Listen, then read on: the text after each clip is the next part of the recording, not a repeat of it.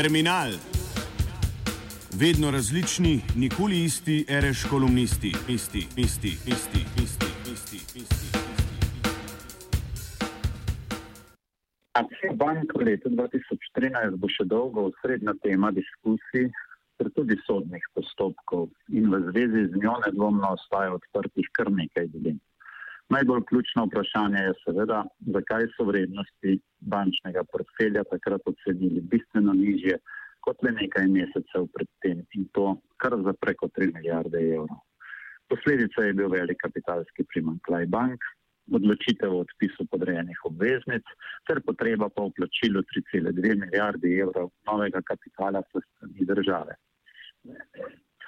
Čeprav je veliko cen ocen o načrtnem uničevanju slovenskih bank in mednarodni zaroti, dvomim, da je šlo za neko namensko razvrednotenje bančnega premoženja, temveč bolj za bistveno večjo previdnost pri ocenjevanju, kot je veljala do takrat. Ta bistveno večja previdnost je temeljila na takrat še močno prisotnih dilemah o preobratu gospodarskega razvoja, tako v Evropi in vse bolj v Sloveniji. Ne smemo pozabiti takratnih pozivov in ocen o tem, da bo Slovenija skoraj bankrotirala in takšne ocene so prosili tako mediji, pa tudi politika, odvisno od parcialnih interesov. Kakšna polovica tako razvrednotenega premoženja se je na to prenesla na slabo banko oziroma družbo za upravljanje bank, drugi del pa je ostal na bankah in vse to premoženje zadnja tri leta uprave vseh bank intenzivno prodajajo. Glede na rezultate bank, ta prodaja poteka v povprečju nekje po tako znižanih vrednostih, kot so bile dejansko ugotovljene v sanaciji leta 2013. Takšna ocena izhaja namreč iz tega, da ne slaba banka, ne banke v tem času niso izkazale kakšnih večjih presežkov, ki bi potrdile dokaj prisotno oceno v preniskem vrednotenju. Bilance vseh bank namreč kažejo, da so v zadnjih treh letih oblikovali še celo nekaj dodatnih slabitev na že tako visoke slabitve iz leta 2013. To sam vidim kot ključni problem celotne sanacije, bolj kot sama nizka ocena leta 2013 in prenos na DTB takrat do dejansko še ni prišlo, niti ne zaradi prenosa na DTB, temveč le ob prodaji po preniskih cenah, če so torej izbide. Pojavlja se namreč ocena, na, da naj bi bilo premoženje bank dejansko vredno kakšne dve milijarde evrov več, vendar pa ta ocena temelji predvsem na uporabi drugih, danes seveda realnejših predpostavk za oceno vrednosti celotnega bančnega portfelja, ne pa na analizi posameznih postavk bančnega premoženja, ki zajemajo nekaj tisoč raznih terjatev. Le takšne ugotovitve bodo lahko osnova za izračun potencijalne škode in oškodovanja ter morebitne tožbe. Preiskave in analize ugotavljajo in bodo verjetno tudi v bodoče ugotovile odstopanja v kakšnih posameznih primerih, a to bo daleč premajhen obseg da bi lahko prišli do drugačnih zaključkov glede nujnosti sanacije. Dodatna ključna ovira pa je v tem, da je bilo nažalost v tem obdobju verjetno skoraj dve tretjini tega premoženja po teh nižjih cenah že prodano ali poplačano in toliko težje bo dokazati, da so bile dejanske vrednosti pomembno više.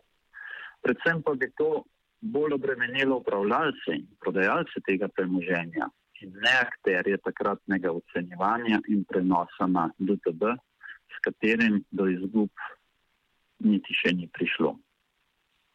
Ne izključujem sicer možnosti, da bo v nadaljnih postopkih čez precej let prišlo tudi do kakšnega poplačila lastnikom podrejenih obveznosti, obveznic, a bolj zaradi postopkovnih napak kot pa vsebinskih. Mislim na, prim, na primer, da bi izračunali pomembno drugačne vrednosti takratnega premoženja. A tako izplačilo bo imelo vpliv samo na premoženje ožjega kroga ljudi, ki se jim bo ukrepilo, ter na drugi strani nekaj višji javni dolg. Ne bo pa to vplivalo na drugačno razumevanje, naprimer pravne države ali pomena kapitalskega trga v Sloveniji. Postopki preverjanja takratne sanacije bodo torej potekali, a do kakšnih zaključkov ne bomo prišli še dolgo let. Bolj ključno vprašanje pa je, kaj je potrebno storiti danes, da ne bi nadaljevali morebitnih napak v tem procesu sanacije bank. Kot omenjeno, imajo trenutno banke v svojem portfelju še vedno kakšno tretjino problematičnih terjatev, kjer se prodaja pospešeno nadaljuje, država pa ima v lasti tudi še kako polovico bančnega sistema. Mišljena je Nova Ljubljanska banka, A banka ter posredno tudi Gorenska banka, čeprav je slednja verjetno že prodana. Pri tem ne mislim na razgovore, ki jih ima Sava s potencijalnimi tujimi kupci za nakup banke, temveč na prodajo terjatev slabe banke do Save. Te terjatve je namreč kupil ameriški sklad Jord in ker so te terjatve zavarovane z delnicami Gorenske banke, je največji del lasniška Gorenske banke dejansko že prišel v tuje roke. Čeprav se danes največ pozornosti posveča zahtevanju Evropske komisije glede prodaje NLB, se je začel že tudi proces prodaje A banke. Ta banka trenutno v Sloveniji obladuje okoli desetino trga, NLB četrtino, Gorenska banka pa štiri odstotke. Glede A banke menim, da bi morali sprožiti neko širšo akcijo proti zahtevam in omejitvam Evropske komisije zaradi razlogov, ki so bili že večkrat izpostavljeni in ne podobno kot, kot se dogaja pri NLB, da čakamo zadnji mesec za dogovarjanje z Evropsko komisijo. Menim, da bi bilo vredno tvegati tudi spor, ker bi bili kakršnikoli postopki zelo dolgotrajni in v tem času bi bili čas za iskanje ustreznejših postopkov umika države iz lasništva, če je sploh potrebno. Verjetno tukaj tudi politika potrebuje širšo podporo, da bi se lažje argumentirano pogovarjala z Evropsko komisijo. Drugo pa je nadaljevanje prodaje slabih terjatev in naložb bank. Torej naložb slabe banke in vseh treh državnih bank. Za njihovo vodenje in optimizacijo poslovanja ter rezultatov so seveda zadolžene uprave teh bank. Dejstvo pa je, da so te uprave več čas pod pritiskom zmanjševanja slabih naložb in logično so odločitve o prodajah, da so le iztržki višji od prednosti v knjigah. Tako beremo primere, ko so banke z diskontom prodale večje pakete terjatev tujim skladom. Čeprav ni nobenega argumenta, zakaj bi ti skladi znali bolje izterjati terjatve kot banka sama. Vsak tuji kupec je zelo dobro preračunal, da je terjatve kupil ceneje, kot je pa ocenjeval, da bo dobil iztržka. Ta dohodek bi s svojo aktivnostjo lahko realizirale banke same Pa uprave se nažalost traje pohvalijo z nižjim deležem slabih terjatev, te dohodke pa prepustijo kupcem.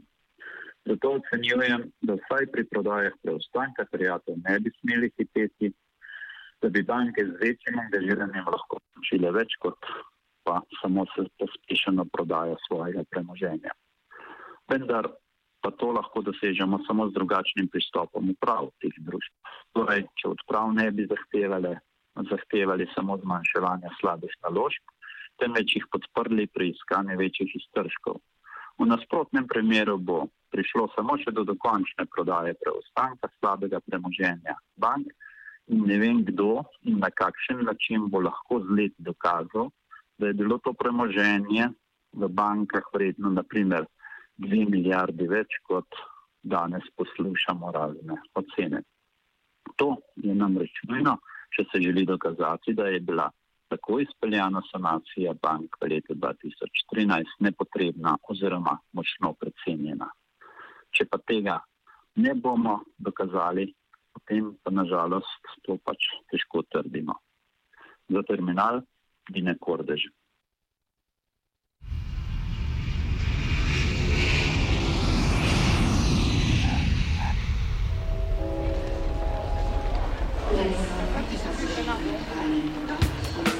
Terminal. Vedno različni, nikoli isti, ereš kolumnisti, isti, isti, isti, isti, isti, isti. isti.